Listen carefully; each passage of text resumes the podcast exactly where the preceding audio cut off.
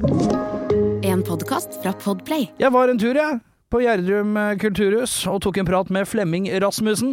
Tenkte jeg skulle ta opp lyd fra lydbordet, glemte det helt. Eh, Så her er det eh, litt publikumsopptak. Lyden er jo dårlig, men det er mulig å høre hva han sier. Og jeg tar jo på engelsk, så det er lettere å Altså, grumsete lyd på dansk, det hadde bare vært rot. Men jeg tenkte det er bedre å legge det ut enn å ikke legge det ut. Her er min prat med Flemming Rasmussen på Gjerdrum kulturhus. Vi er så heldige som får lov å leve i en verden full av rock og metal. Og jeg har invitert diverse ildsjeler innenfor musikk til å komme og bable om rock og metal. Så enkelt er det. Velkommen til Metallista. Hallo. Hei. Hallo. Hallo.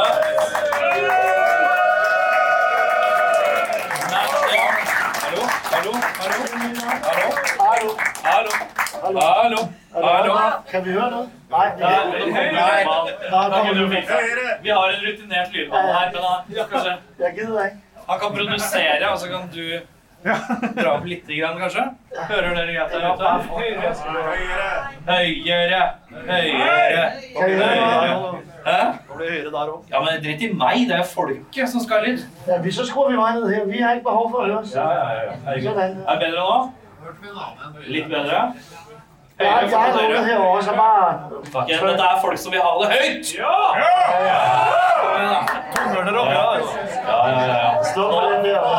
Nå, nå er vi på kanten til firing. Det gidder ikke. Ja, uh, nå? Er det greit nå? Ja, nydelig. Velkommen du skal være til Gjerdrum og Murring.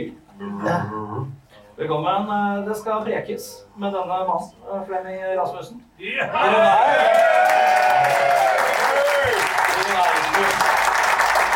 Dere vet jo hvem denne mannen er. Uh, mitt navn er Erik Skjerma. Jeg jobber i kanalen som spiller de samme jævla låtene absolutt hele tiden. Uh, visste at folk kom til å le av det. Uh, Kjempefornøyd. Utenom det så har jeg også Norges aller, aller dårligste Metallica-podkast. den eh, begynte som en Metallica-podkast. Nå er det mest dybdeintervjuer. Fordi eh, det er bare en begrensa antall ganger du kan orke å høre at folk syns at St. Anger er en dårlig plate. Uh, og at ikke jeg er så glad i Lord of Reload. Syns ikke det er det helt store. Uh, og det er greit. Uh, for her er vi en Men det er eh, Se, produsenten produserer. Teknikeren tekniker dette. er det, ja. Eh, jeg skal uh, dukke noen spørsmål. Jeg skal se om det blir Det blir litt nerdespørsmål. Det blir litt generelle spørsmål. Uh, og så kan jeg at vi åpner opp for litt spørsmål etterpå. For dem som skulle være vågale og ha noe på lur. Det er bare én fyr, men du må vente. 25 spørsmål. Det er 25 spørsmål. Jeg kan garantere at du får ett hvis du oppfører deg. Sånn er reglene. Uh, utenom det så er det jo selvfølgelig å kjøpe det man trenger av drikkevarer der, og så eh, støtte selvfølgelig Metal Against Bullying der, og så blir det faen meg rock etterpå inni der. Vi skal, døtte metal oppi rasshøla på alle og bli kjempedeilig. Jeg har sett settlista. Det er godbiter. Det er godbiter. Det er deilig. Og så er det en ting til. Det Og så er det så sånn at jeg er jævlig dårlig dansk, og det er sikkert noen der ute som kanskje ikke har det der danske øret. Jeg skjønner alt danske folk sier, jeg. Jeg har det ikke, så jeg kommer til å ta det meste på engelsk. Bare fordi han er jævlig god i engelsk. Jeg er jævlig dårlig dansk. Eh, Det er jeg på. Og- jeg forstår ikke, hva han sier. Nei, han skjønner ikke. Så er han ikke. Eh, Så sånn, sånn, sånn blir det. Sånn er det. Sånn er det. Der vi går. Oi, Så, feeding. nu vi. Nå fint, filer Ja, ja, det var dejligt. Åh. Ja, Ja, ja, ja, ja. Flemming! ja hej. Uh, uh, det er firinga må vi jobbe noe med. Er det, er det fordi vi har de her, eller? Kan skru den litt Skru ned for den. Jeg har skruet helt ned for min. Fuck den der. Ja, det skal vi ikke have noget af. Ok. Det var bedre. English. Ja. You're, let's say you're six years old. Are you raised in a musical home? Your parents? No, not at all. Not at all. No, nothing. What was your like, your father's favorite like artist? It was some Danish uh, like folk singer thing. It was terrible. And your mother? Same thing.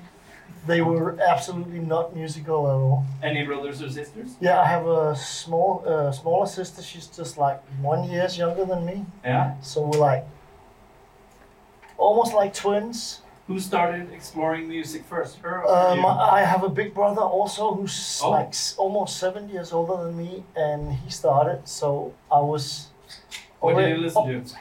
Rolling Stones. Stones. First thing I heard was the first Rolling Stones album. That's I your was like, first taste That. I was six or seven, and my brother got it, and I was like, "Yeah." Do you remember which album it was? It was the very first Stones album, Yeah. and and the crazy thing was that he had one of those, and it it had the inner sleeve. It was either blue or red. If it was red, it was mono. I think his was blue, so it was stereo. Ah. And on the label, after "Not Fade Away," it said "Samba," and I was, "What the fuck is that?" It was what dance you could dance to the song. Oh, the, It was it was on the dance. label. Yeah, yeah. So one of them was a waltz. I was like, "What?"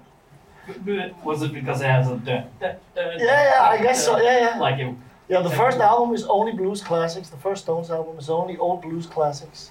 So yeah. I love that.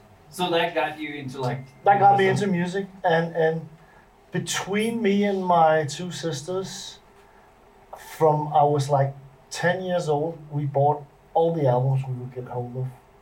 Uh, That was fantastic. So, so that every time a new album came out, we bought it. One of us bought it. like a Rolling Stone or like Everything. everything. I mean, I was turned.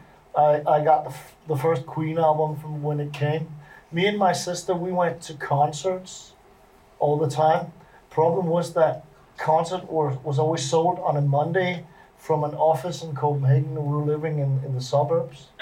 So I had to like skip school because I had to buy tickets. Yeah. So almost every Monday I didn't come to school till 11 because I had to buy tickets for for Slade or Rory Gallagher or Sweet or Gary Glitter or Roxy Music or you know. So everything. It's fantastic. First concert was The Who. Seriously. Yeah, yeah. In Which, seven- which venue? 72. Which band? Who? Which band? The Who. Who? Which band? The Who. it was uh, it was in uh, Copenhagen, Copenhagen with a Golden Earring as support.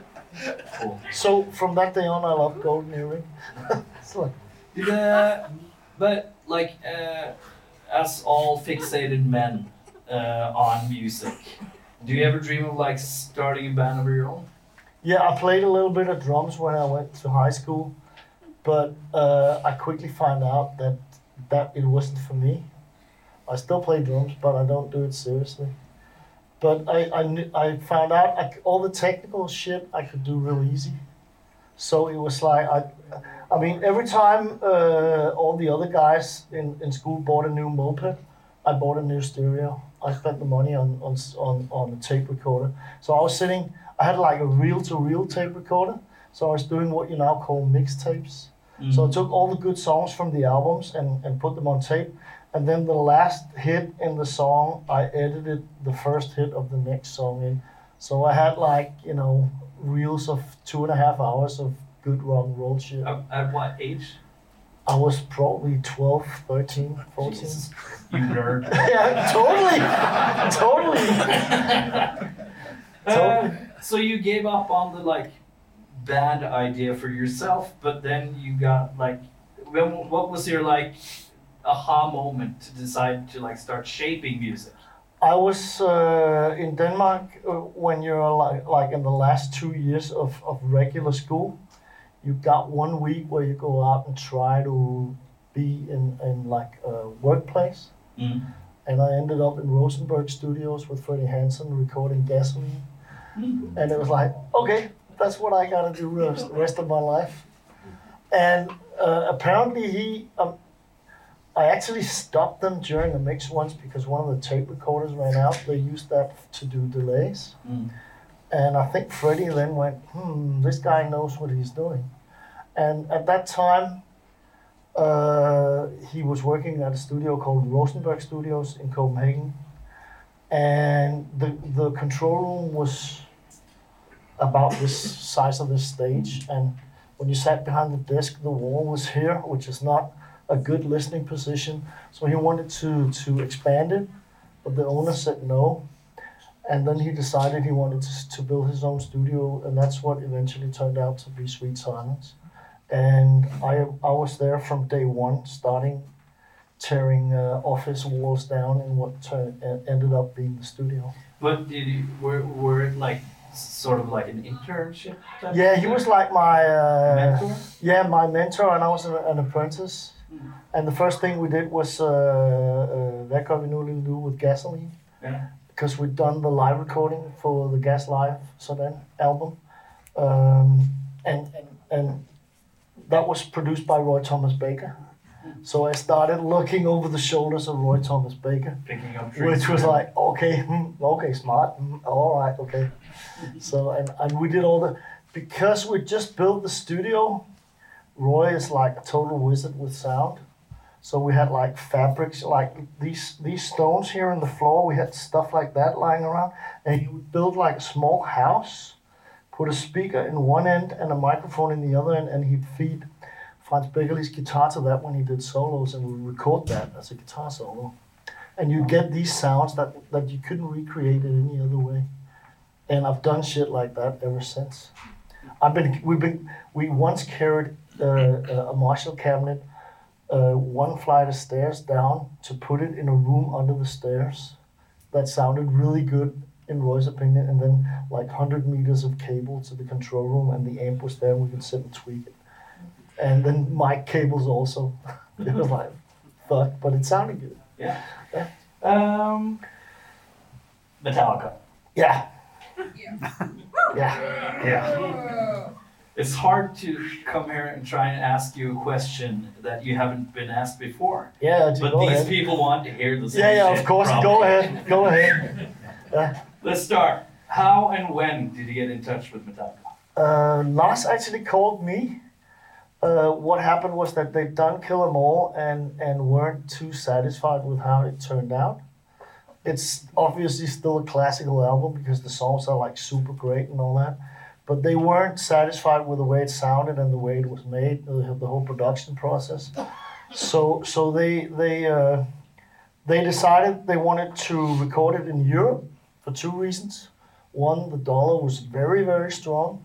Oh. It was twice what it is now. And that actually meant that they could get more than two times the studio time in Europe for what they would pay for a studio in the States. And because they were still on Megaforce Records when they did Ride the Lightning, and Ride the Lightning is actually released on Megaforce, and, and, and then Elektra gave them a contract, and then they came out on Elektra. Also, uh, they didn't get that much money to do an album, so they could tour Europe and make money to record the second album, which then turned out to be Ride the Lightning. And Lars called me because they'd heard uh, they wanted a good studio with a good in-house engineer, and they'd heard some of the stuff I'd done, especially uh, Difficult to Kill with Rainbow. And I, I think it probably was an added bonus. It was in Denmark, but I, I'd never even heard about Lars before he called me, and I never heard about Metallica. I didn't know they existed at all. So I was like, okay, mm, that's it. Okay, that's. Mm. So I didn't actually hear But Kill 'Em All till the first day in the studio. But did you check out the first record? Though? No, I didn't hear it until till we started in the studio because I was working on something else. So you were basically like, can you pick? It, was I didn't know what, what we were doing. No. Like, he, he just called and said, "We're four guys from San Francisco. We play like hard rock." And I went, "Yeah, that's right up my alley." And I said, "Did you want to record?" I said, "Yeah, sure. Come over." How much uh, did Flemming Rasmussen cost in uh, 1980 something something? Probably more than today. Oh. Yeah, because I mean, studios are cheap, really cheap these days. Yeah. So it was uh, probably twice what, what I cost today. Right. Yeah, yeah, because the studio costs were horrendous in those days. 80s were the studio's heaven. You know, I mean, uh, have uh, don't don't make a studio today. Forget it. Everybody's got their own shit they record on. So yeah, How was your first impressions when these guys shows up? Uh, I totally loved it. it was like I was like, what the fuck is this going on here? It was like the energy and the vibe, and you know the, that whole uh, power thing they came with. I was like, yes, yes, yes. Actually, at one point during the recordings, my uh, my mentor Freddie Hansen, uh, I'd been working uh, doing my own work for, for quite quite a few years at the time, but he like came in and he was like really father, fatherly, did like this and said, "Are you okay, Flemming?" I went, "Yeah, what are you talking about? And are you are you okay?" I said, "Yeah, yeah, yeah, I'm, I'm fine." I said, "What? they can't play?" I was like, "What the fuck?" And we went actually went into the studio uh, between New Year and uh, Christmas and New Year to record the last drum overdubs. Mm.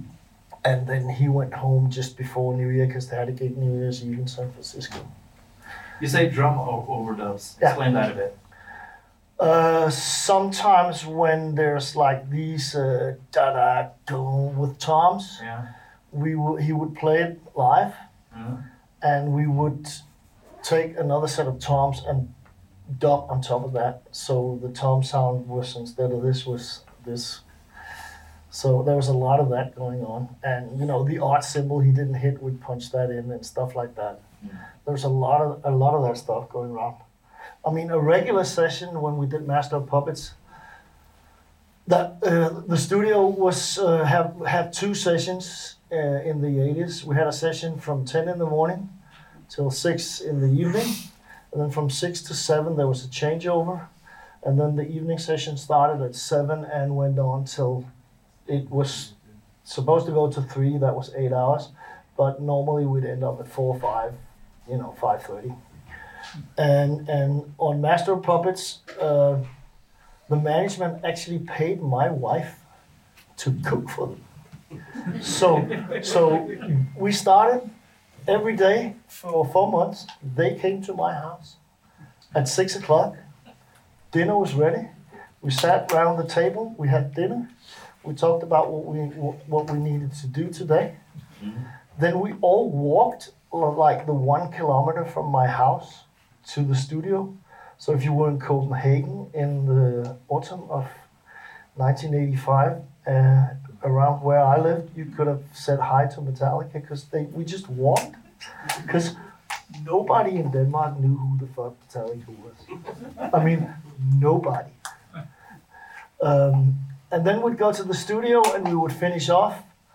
Uh, and and they now lived at Hotel Scandinavia, which is a, a now a big Radisson hotel in, in in Copenhagen.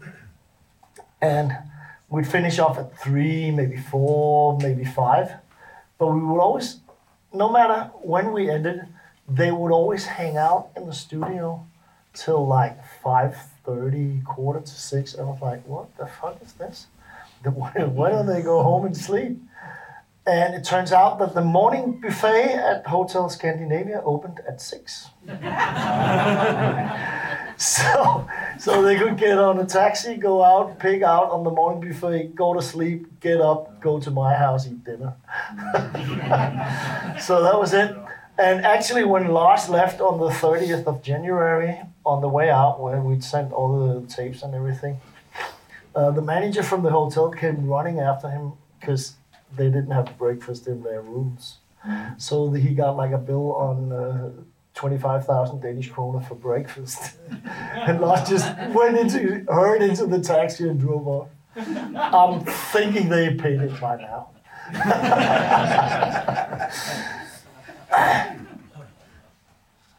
Couple albums. What's your least favorite moment in the studio with these guys? What was the lowest point where where you were thinking? There wasn't really any points of that at the time. I mean, the whole uh, Lars James thing hadn't started yet. You have to you have to recognize that that when I worked with them, they were you know on the way rise. Yeah. So from from album to album, it, it got better, but they got bigger and bigger tours. They got more and more jobs. They you know so so there wasn't really, I mean there wasn't really any any fights. There was a lot of really funny moments actually. Actually on and just for fall, me and Lars we developed like a thing when we were sitting talking like this, James. uh, we would sit and talk like this in Danish, and I would just go James, and James would So go, "What the feel- fuck?" Make him feel like you were talking Yeah, about him all the exactly. Yeah, yeah, which, which was a thing we kind of developed then. But there was, I mean, there was a lot of funny moments, but not. I mean, obviously, uh, when Cliff died, was that? I mean, that's got to be it. But that wasn't in the studio. Um, but it, that was, that was just fucking weird. I mean, Yeah. I, I didn't understand that he wasn't there anymore. It was strange. Did you feel that the band kind of had a bit of a cold shoulder to the new guy coming in? Uh, yeah, I think uh, we. Uh, I often think that the reason why there's no bass on And Justice for All There's no bass on it. it has got is because of two things. I didn't mix it. That's that's, prob- tell- that's probably your I most used sentence. Oh, yeah. I did not mix it. I did not have it. I mean, uh, there's uh, there's probably two reasons. Reason one is that that they were probably not over the Cliff's dead death yet. Reason number two is that what they hated most about Jason was that he was a fanboy. He was a huge Metallica fan. So so he would never like he would never fight for his opinion. He would just go, all right, because he thought it was fantastic to be a bass player in uh, in Metallica. So I'm, I'm thinking. I mean, the two guys that mixed it said it uh, at. Uh, I was at the uh, inauguration of Metallica in uh, when they got into Rock and Roll Hall of Fame, and they invited everybody over, and we had like a party uh, the day before at the House of Blues in Cleveland, and they had like a roast where which is an American thing where you go and just talk shit Talk about shit the about- guy the guy you're celebrating. We have those in Norway Yeah, well, but they're really bad. and and they and they said we did a great mix. You could hear everything; it sounded great. Then Lars and James came in, came in, uh, and the first thing Lars said, "No, no, that's not my bass drum sound. I had like a big graphic equalizer 32 band that I had put on his bass drum to get the sound we wanted, Mhm. and he'd taken a picture of that." And he hadn't realized that it was already recorded, so he wanted that on top again because that was his bass drum sound.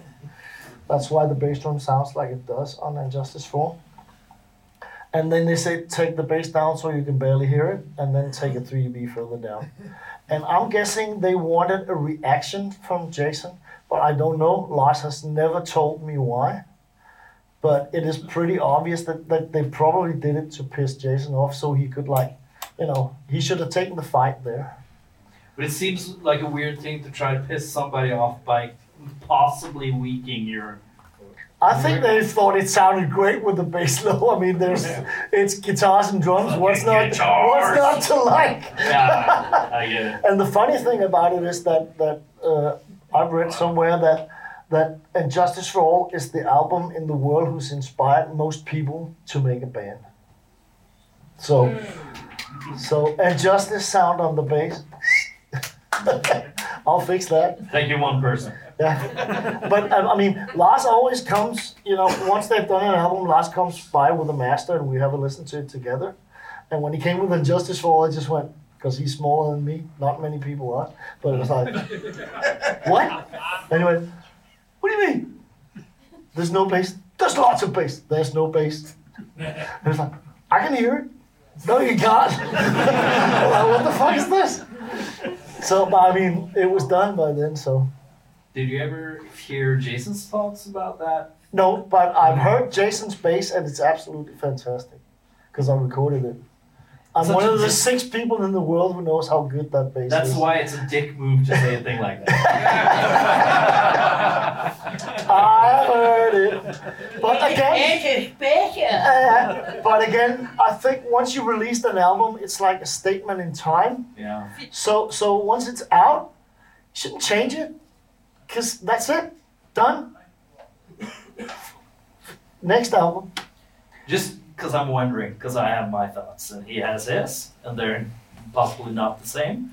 How many here, when And Justice for All got remastered a couple of years ago, wished they could have a remix with some bass? raise of hands. Two, three, four, five. No, Well, the rest is leave it as it is. Yeah, okay, cool. Well, fuck me then. Yeah,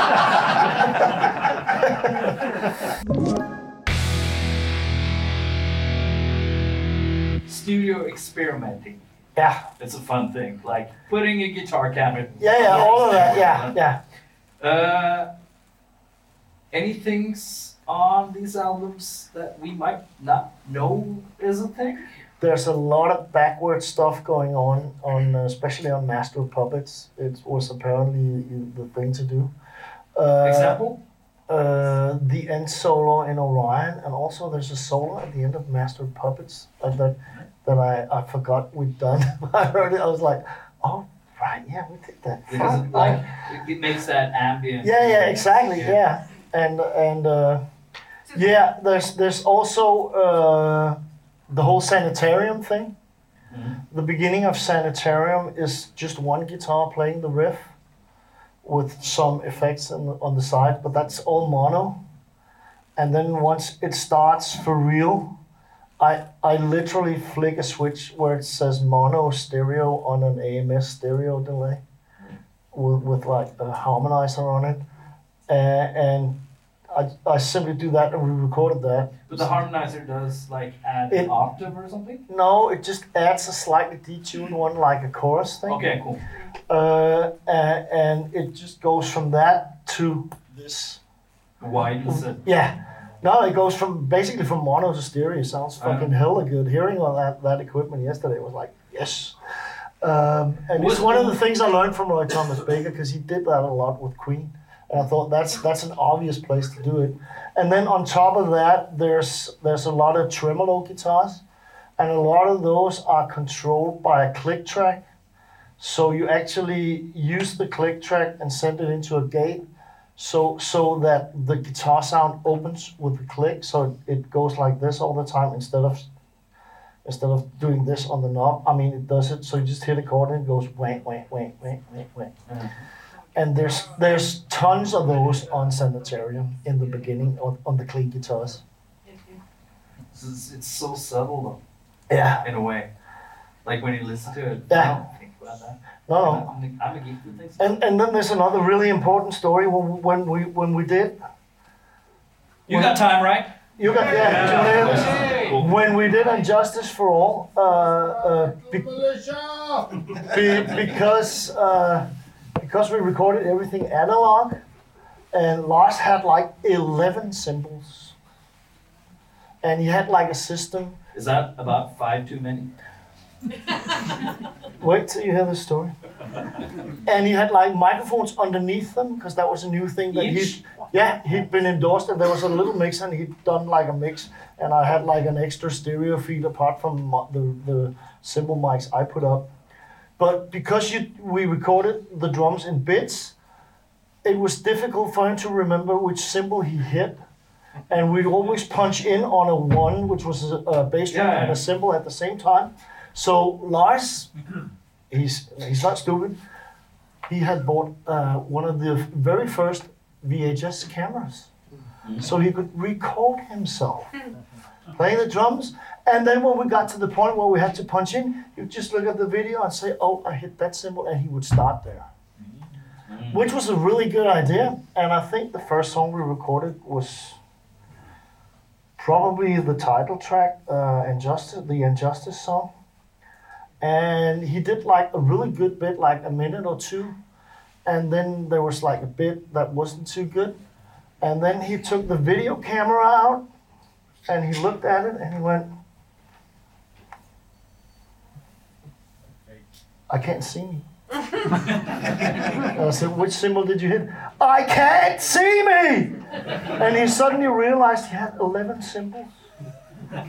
And he'd just been on tour with Ozzy and Van Halen and nobody had seen him. so he calls Jake Fleming and he says, From here to here, get rid of all that.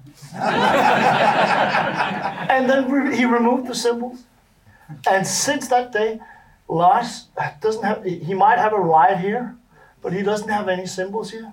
which actually means that he can see what everybody else on stage is doing. and everybody knows what Lars Ulrich looks like because he's one of the most recognizable drummers in the world because he doesn't sit behind 10 kilos of brass. But he, yeah. He doesn't use a ride live now. I think he's got one between the bass drums, very low. No, he has like this fucked up China thing. Well, then he uses that as a ride. What a guy, what a guy. He's got to have somewhere to put the Danish flag. That's the way it is. Okay, you work with him for three albums, uh, these guys for three albums. They head into the studio, make the Black Album. Your reactions are what? I loved it. Actually, actually, they paid me to be standby for a month when they started uh, the Black Album. Cause and we, we never got around to that story because I had to uh, I didn't start recording uh, the uh, Justice? and Justice Yeah. because what happened was Lars called me in November and said we booked the studio from January third for four months. You're producing the new album, and I went nope. Uh, yeah, you are. I can't. My wife's pregnant. I'm doing an album with Anne Linnet. She's pregnant. The back vocal singer Santa, she's pregnant. We can't postpone. We can't. I mean, I can't move those sessions. So I had to say no to And Justice for All. So I actually turned it down because I mean I couldn't change. I couldn't move the sessions I already had. I was booked like four months. The next four months I Was was your booked. big, I'm just producing pregnant people. That's that's why Anne Linnet, the, the the girl we produced, she's called pregnant Danish folk singer in Metallica language. Yeah. Um, and then like three months into January, uh, they got Mike Clink, who did Appetite for Destruction with Guns N' Roses, to do it. And he's really really good, but it was a really bad matchup with Metallica because he's more like a blues rock thing, and and you can say a lot about Metallica, but it's not blues rock. So three weeks into January, the phone rings at home. It was before we had uh, uh, iPhones and everything, and it's Lars. And the only thing he says is, "When can you come?" they hadn't done a thing for three weeks. I I put a lot of you know worked through the weekends and, and moved a lot of sessions so I could go over there on February fourteenth. And the only thing they'd done was they'd recorded a B side for a single, just the drum track. They were still doing guitar sound. They hadn't gotten James's guitar sound yet. Three weeks.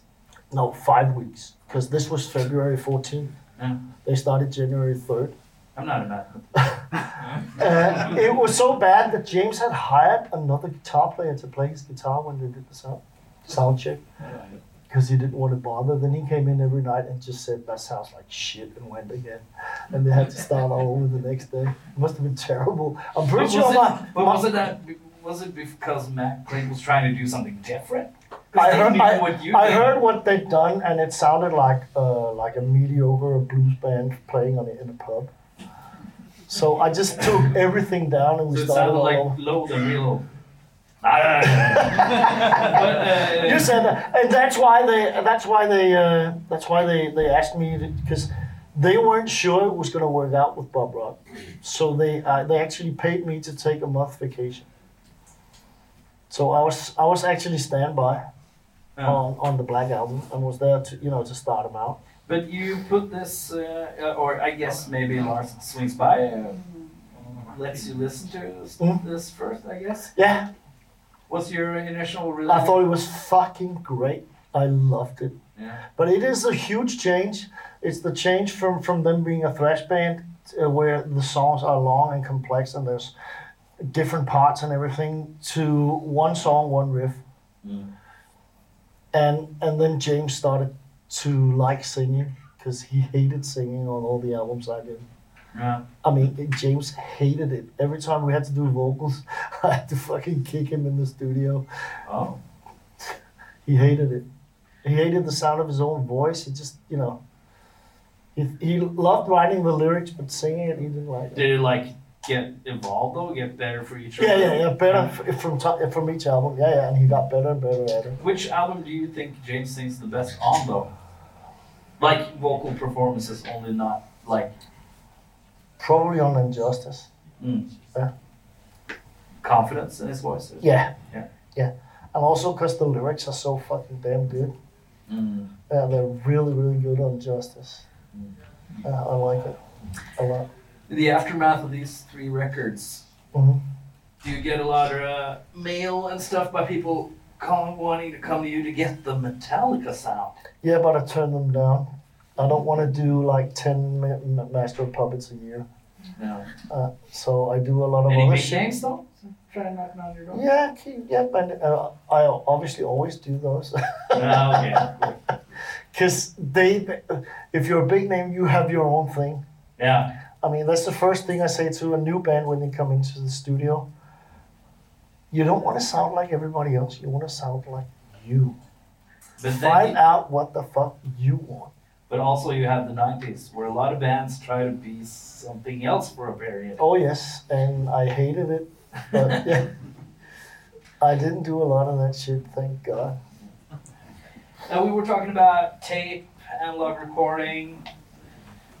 What's your view on like newer metal music and hard rock? Has it Uh, lost some of the charm at being uh, being able to have all this, all the tools you as well have Yeah, in yeah, the yeah, yeah. studio, and like it's an easier workflow. Yeah, I think the biggest problem is that a lot of this sound replacing makes them sound too much the same. yeah, And there was a long time t- until recently where uh, the loudness war just made it unbearable to hear more than two two tracks. Hmm. So so yeah, I I was I kind of was opposed to that.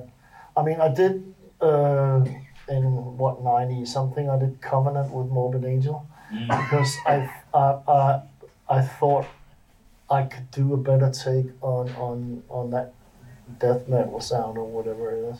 Mm. All these genres, I don't give. I I I I have no idea what the genres are. To me, it's just music. yeah. I don't give a shit whether it's black or blue or green or death or metal. It's like okay, it's music. And Uh, there's a lot of records since from Metallica, mm, all in sh- different, various uh, Yeah. colors and shapes. yes, I mean, yes, yes. Is it one of those that you wish you were there for? Uh, no, the Black album I, I would have loved to have done. Yeah. Because Uh, of the songs. yeah, Yeah. and then I'm guessing we have to go all the way to probably maybe Saint Anger. Yeah. because because I, I actually really like Saint Anger because they're trying to change their sound and so, so every second time I hear it I think wow that's fucking uh, crazy that they dare do that and then the next time I hear it I think that's the fucking worst demo I've ever heard in my life There's there's something really weird about that. it's, so I, I would have loved to have done that and and because I'm pretty sure they had an idea doing that Mm. but probably Bob Rock was not the person to do that. Mm. And he's more or less playing bass on most of that, right? Or is Rod there already? Uh, I think uh, I don't. Does anybody know? Yeah, Bob Rock plays. Yeah. Yeah, on, on yeah. And I mean, at that point, they should have kicked him out and gotten a bass player. Mm. Uh, that would have helped a lot. Yeah. After the Bob Rock collaboration ended, did they ever come back to you? Mm, No, but we still talk. Yeah. So we're not. I mean, we're still friends, and everything Yeah, is fine. yeah, yeah, yeah. But Uh, like, have, have they ever uh, talked about returning to make a record with you? Is what No, not since. Not since. We haven't discussed it. Other than, I uh, and when I heard Hardwired to Self Destruct, I said, I looked at Lars and he, I said, that's probably the first album I, I wish I would have done. And he said that was the best critic he had, he has had ever. so, so I'm guessing we're still. Uh, you never know. You we, never we might want to go back to that. I mean, if the Beatles. I think everybody in this room. yeah, yeah, I know. Yeah, yeah, yeah. I'd love to do it. I mean, Yeah. they just call. I mean, I'd even do it with Jason. That's fine.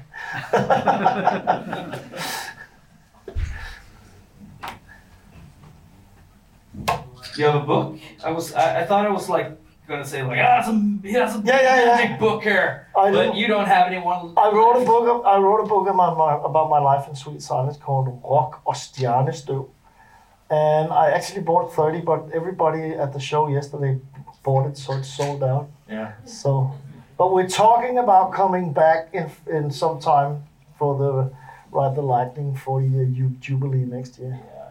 We're not gonna do it on the date it was released uh-huh. because it turns out that was the day I got married. so,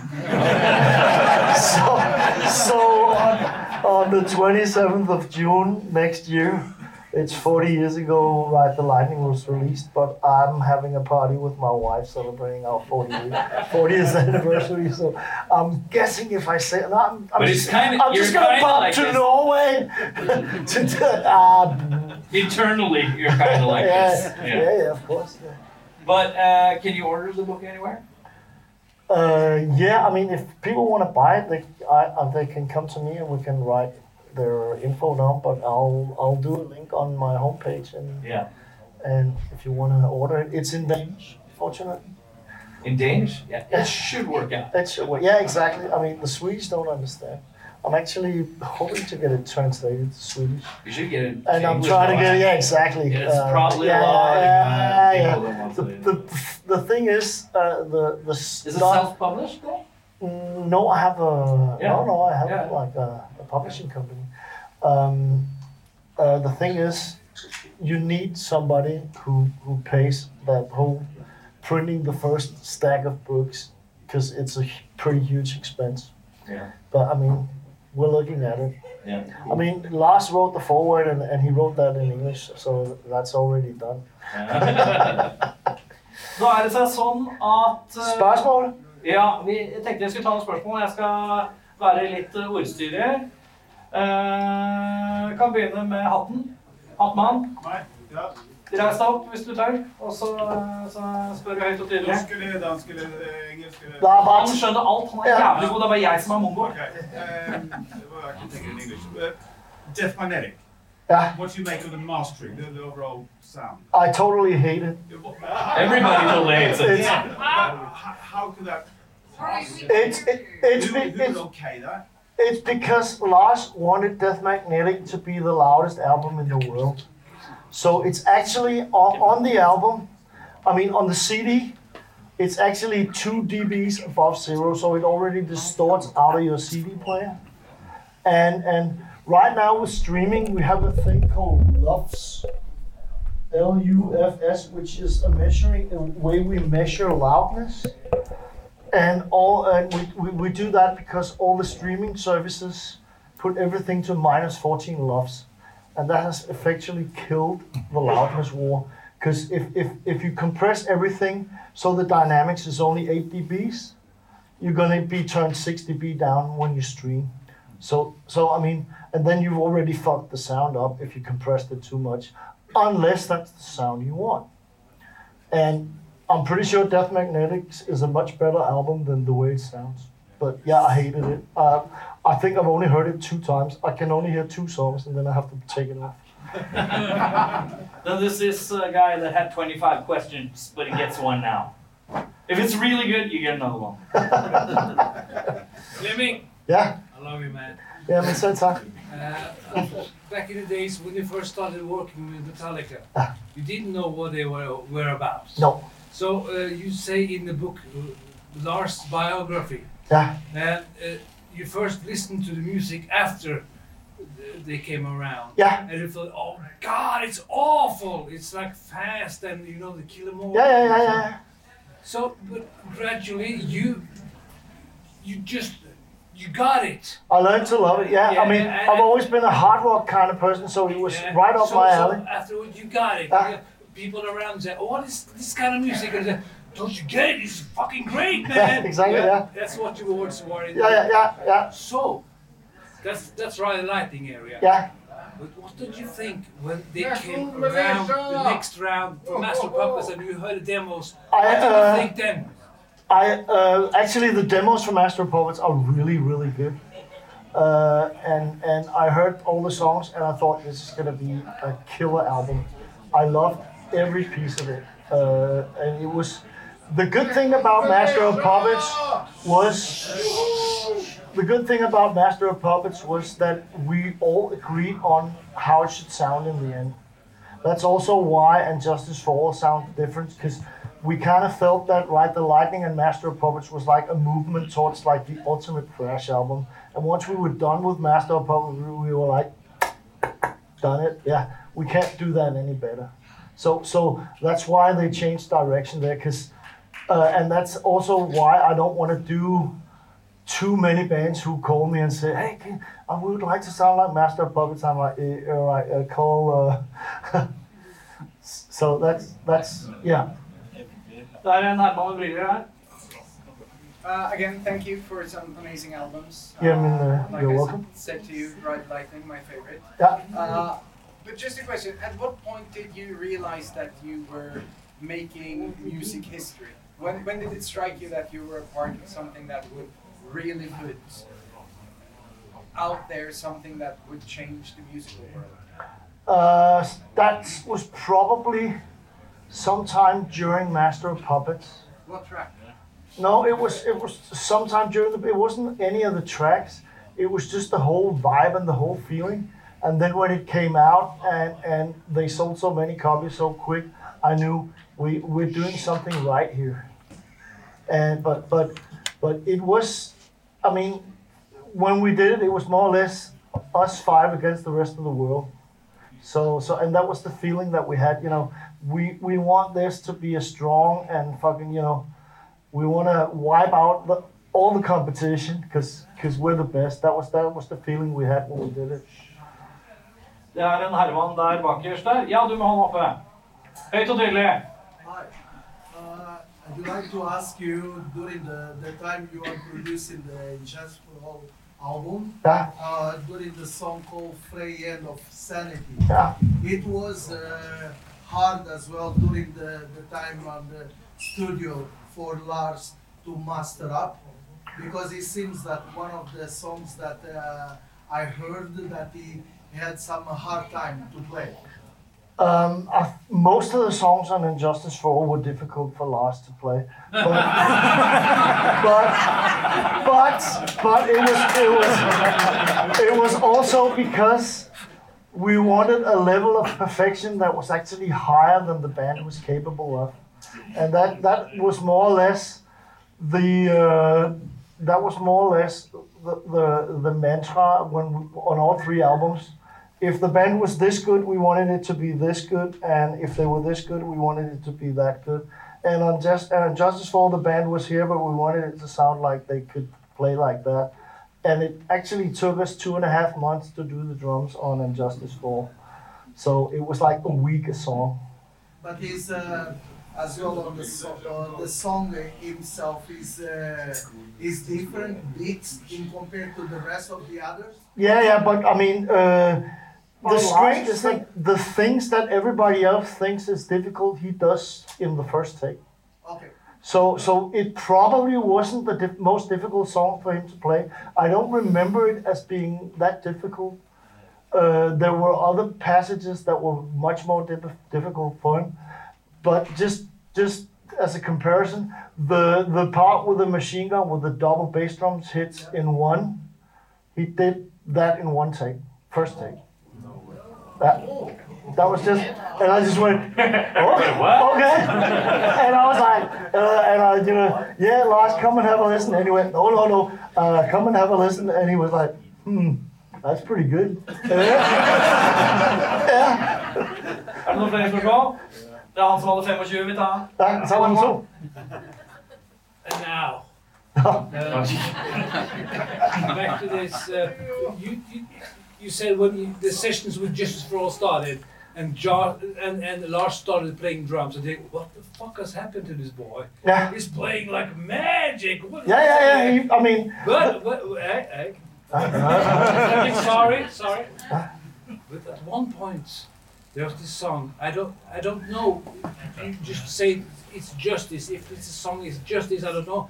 But he could not hit one. yeah, that's true. Yeah, Yeah. yeah.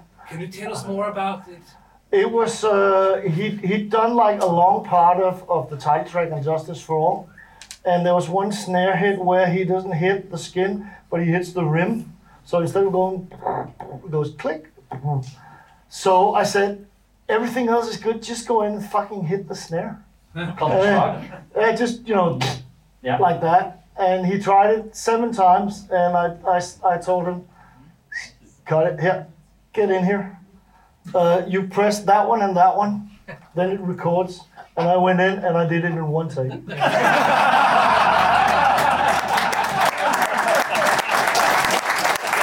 and he was like, he was like, okay, I think that was okay. Let's just have a listen. I just went in and said, Lars, it's fine. He was like, uh, let's just listen. Uh, Lars, it's fine. Det er så deilig, det er så deilig hvordan alle her koser seg ekstra med å høre om at Lars er litt dårlig. Det er liksom det alle koser seg med. Lars vant! Yeah. Ac- ac- actually, at one point, actually at one point, I don't remember if it if it's the bells in the beginning of For Whom the Bell Tolls, but we we took an anvil, like big iron anvil. The studio was on the first floor. We carried up three people. It, it was like 60 kilos. And Lars had to sit and bang it with a hammer. And he couldn't hit it. It was like, it was always out of time. I did that too. so, so all the easy shit, Lars has really big difficulties. All the difficult shit he does in first take. It's very, very strange. So, so I'm guessing probably Freight he played in like two days where he normally would spend a week. Damer og herrer, Flemming det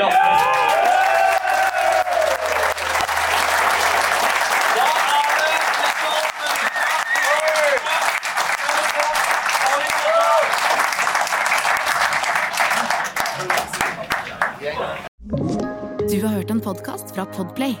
En enklere måte å høre podcast på. Last ned appen Podplay, eller se podplay.no.